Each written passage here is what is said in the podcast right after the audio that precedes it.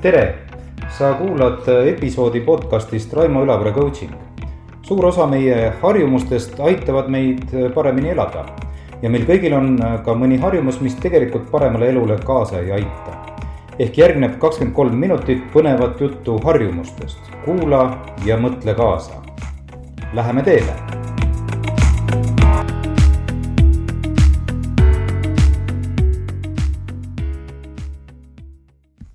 harjumustest ja nende muutmisest räägitakse ja kirjutatakse noh, tõepoolest palju.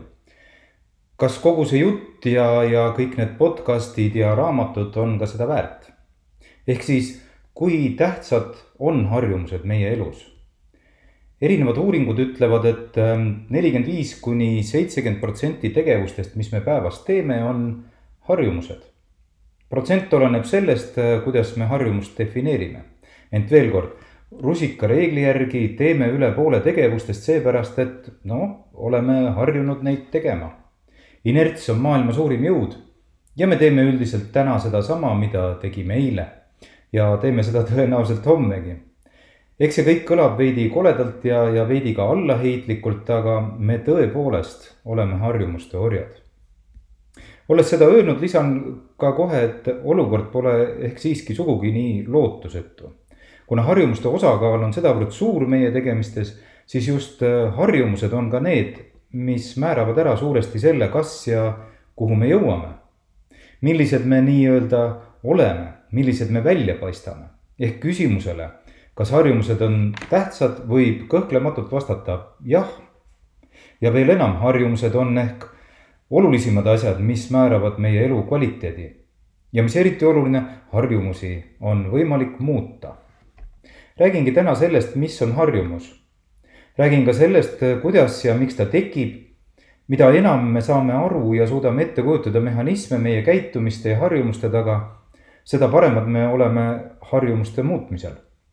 muuta ja parandada saab ikka, ikka seda, mille ehitusest sa aru saad ja, ja see kehtib nii autoremondi, muffini valmistamise kui inimese käitumise puhul.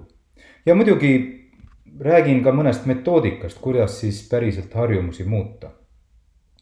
kasutan järgnevas jutus palju seda, mida olen aastate jooksul ise harjumuste kohta lugenud ja näinud ja kogenud. harjumustest just nüüd rääkima inspireeris mind muuhulgas Huberman Lab nimeline podcast, kus Andrew Hubermani nimeline neuroteadlane ja professor Stanfordi meditsiinikoolist räägib inimesest ja käitumisest just neuroteaduse nurga alt tõepoolest väga huvitav podcast ja väga soovitan kuulata. niisiis alustame sellest, mis asi on harjumus. kõigepealt pean ütlema, et äh, see pole refleks, kus me lihtsalt automaatselt millelegi reageerime. tunneme elava tule lähedal äh, kuumust ja tõmbame käe ära. või kui keegi lööb kõva plaksuga ootamatult käed kokku, siis me pilgutame silmi ja võpatame. see on refleks, mitte harjumus harjumus on midagi, mida meie närvisüsteem, meie ise oleme õppinud. tõsi, me oleme seda küll õppinud, aga mitte alati teadlikult. teisisõnu, me pole ise nii väga teadlikudki sellest, mil moel ja miks me nii käitume, nagu me käitume. me oleme selle lihtsalt aja jooksul ära õppinud ja nüüd on see meie elu osa. hammaste pesu, igavese korral telefoni vaatamine, riidesse panemise järjekord, auto juhtimine ja nii edasi, kuni keerukamates ähm, olukordades käitumiseni. kuidas me käitume võõraste inimestega, kuidas me konfliktis reageerime, kuidas me uutele väljakutsetele vastu vaatame.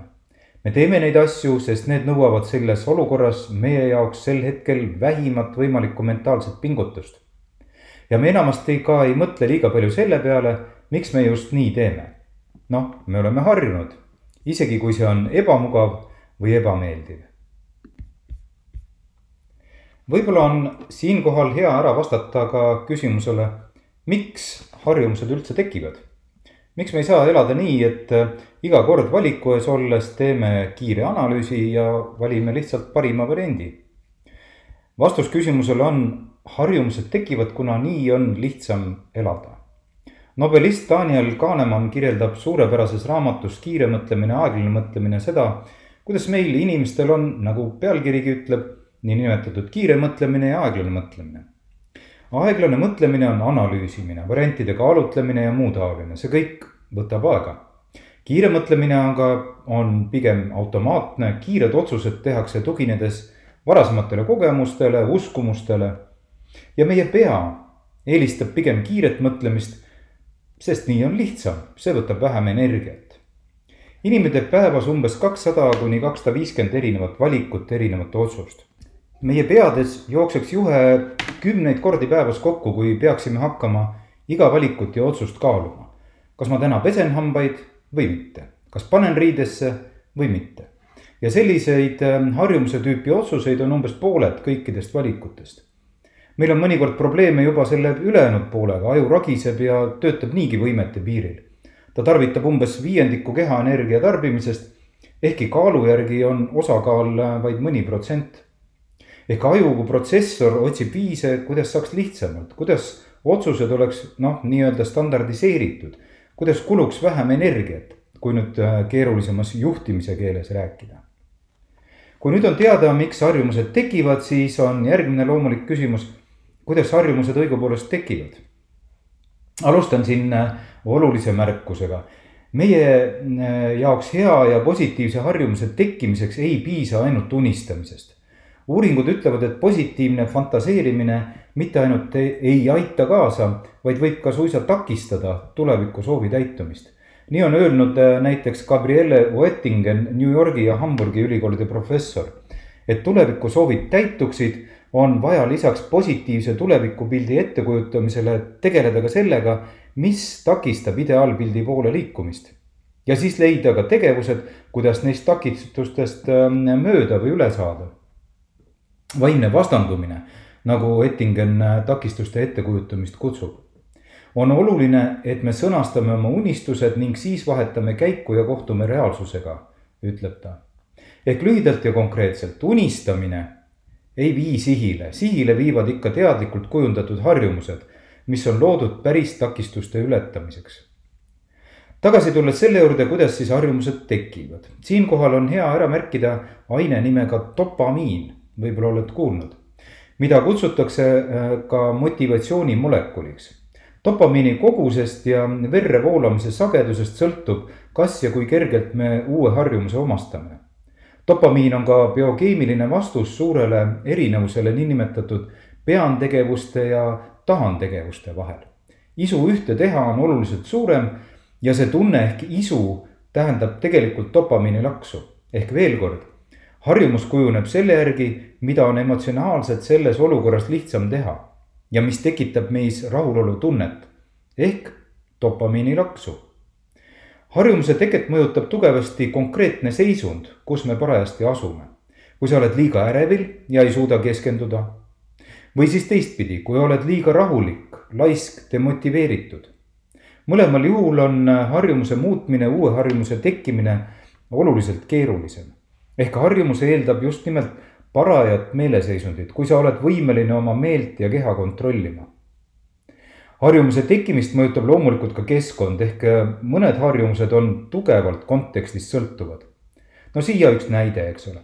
väga äh, palju raskem on näiteks rutiinse trenni harjumust tekitada ja, ja ka üleval hoida, kui sindu ümbritsev keskkond muutub, kui sa kolid uude kohta, reisid teise keskkonda, sinu päevad on äh, väga erinevad või võib-olla hoopis samas ka vastupidi, see, et kolid uude keskkonda, võib ka just soodustada, et saad lõpuks hakata tegema regulaarselt seda, mida senine keskkond ei võimaldanud.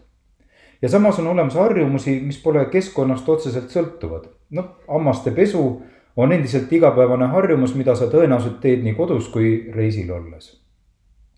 oluline on endale ka teadvustada, kui me räägime harjumustest ja uute harjumuste tekkimisest inimesed on siin väga-väga erinevad ehk piltlikult me saame oma dopamiini laksud kätte üsna erinevate asjade peale erinevatest olukordadest. kui sa ei suuda ühe harjumusega hästi toime tulla, siis see ei tähenda kaugeltki seda, et sa ei võiks hästi hakkama saada mõne teisega. kindlate harjumuste sünnipäraseid geene pole olemas, harjumuse tekkimine on äh, mingis mõttes selektiivne, midagi jääb meile kergemini külge ja mõni asi, mõni harjumus ei jää kohe üldse mitte see oli siis jutt sellest, miks ja kuidas harjumused tekivad ja märksõnad olid äh, lihtsus. nii on lihtsalt emotsionaalselt kergem. märksõna oli ka dopamiin ehk motivatsioonimolekul. ning märksõnad olid ka seisundi ja keskkonnamõjud. jõuame praktiliste küsimuste juurde ehk kaua siis harjumuse tekkimine aega võtab? kaua peab nii-öelda treenima ja muidugi siis ka peaküsimus, et kuidas siis harjumusi muuta? Harjumuse tekkimise aja kohta on liikvel erinevaid müüte, levinum neist on vist kuulus kahekümne ühe päeva jutt ja kahjuks pean valmistama paljudele ehk pettumuse, see tõepoolest on müüt, mis ei vasta tõele. olen lugenud äh, artiklit selle kohta, kust see müüt pärineb. Äh, seal jõuti selleni, et, et umbes viiskümmend aastat tagasi kirjutas üks USA kirurg äh, raamatu oma tööst ja seal ta märkis, et kakskümmend üks päeva on keskmine aeg, kui kaua inimene ja nüüd vabandan ma ettekujutluspildi eest, mis sul peas tekib. kui kaua inimene, kellel on käsi või jalg ära lõigatud, veel tunneb nagu see oleks tal alles ehk fantoomjäseme tunne, nagu öeldakse. ja e, see, selle virutasid, e, selle kakskümmend üks päeva virutasid sealt igat sorti eneseabi ja, ja muutuste gurud ja lasid lendu, et muutusega harjumine ja ka uue harjumuse tekitamine võtab aega kakskümmend üks päeva.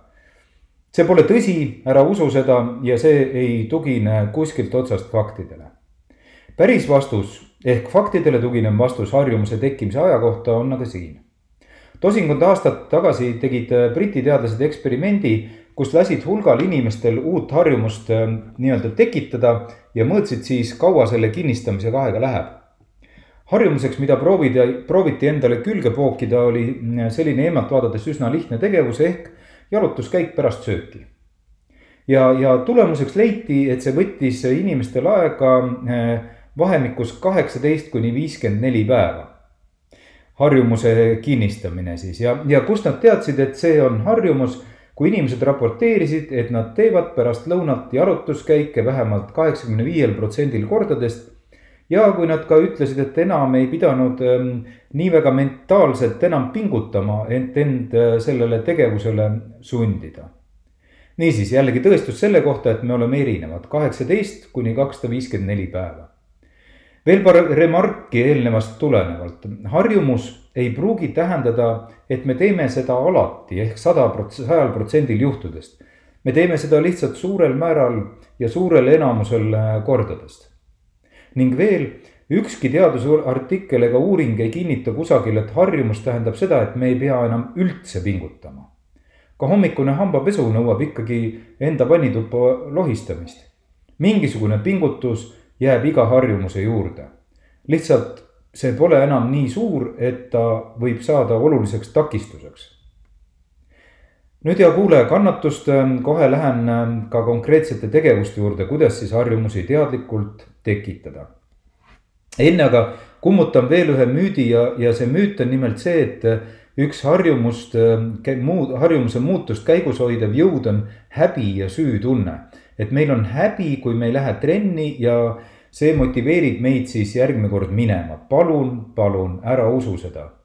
ja palun ära harjuta seda ka teiste peal, pean silmas siin muuhulgas näiteks lapsi, kes justkui peaksid end tundma süüdi, kui nad midagi tegemata jätavad. Süütunne on kummalisel kombel just see, mis paneb inimesi käituma põhimõttel läks trumm minguga pulgad.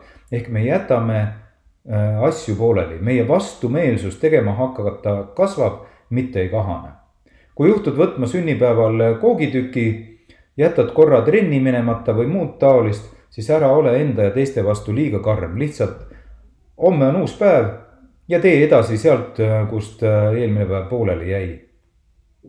Nüüd aga siis sellest, kuidas muuta harjumusi ehk praktika ja tööriistad, nagu öeldakse.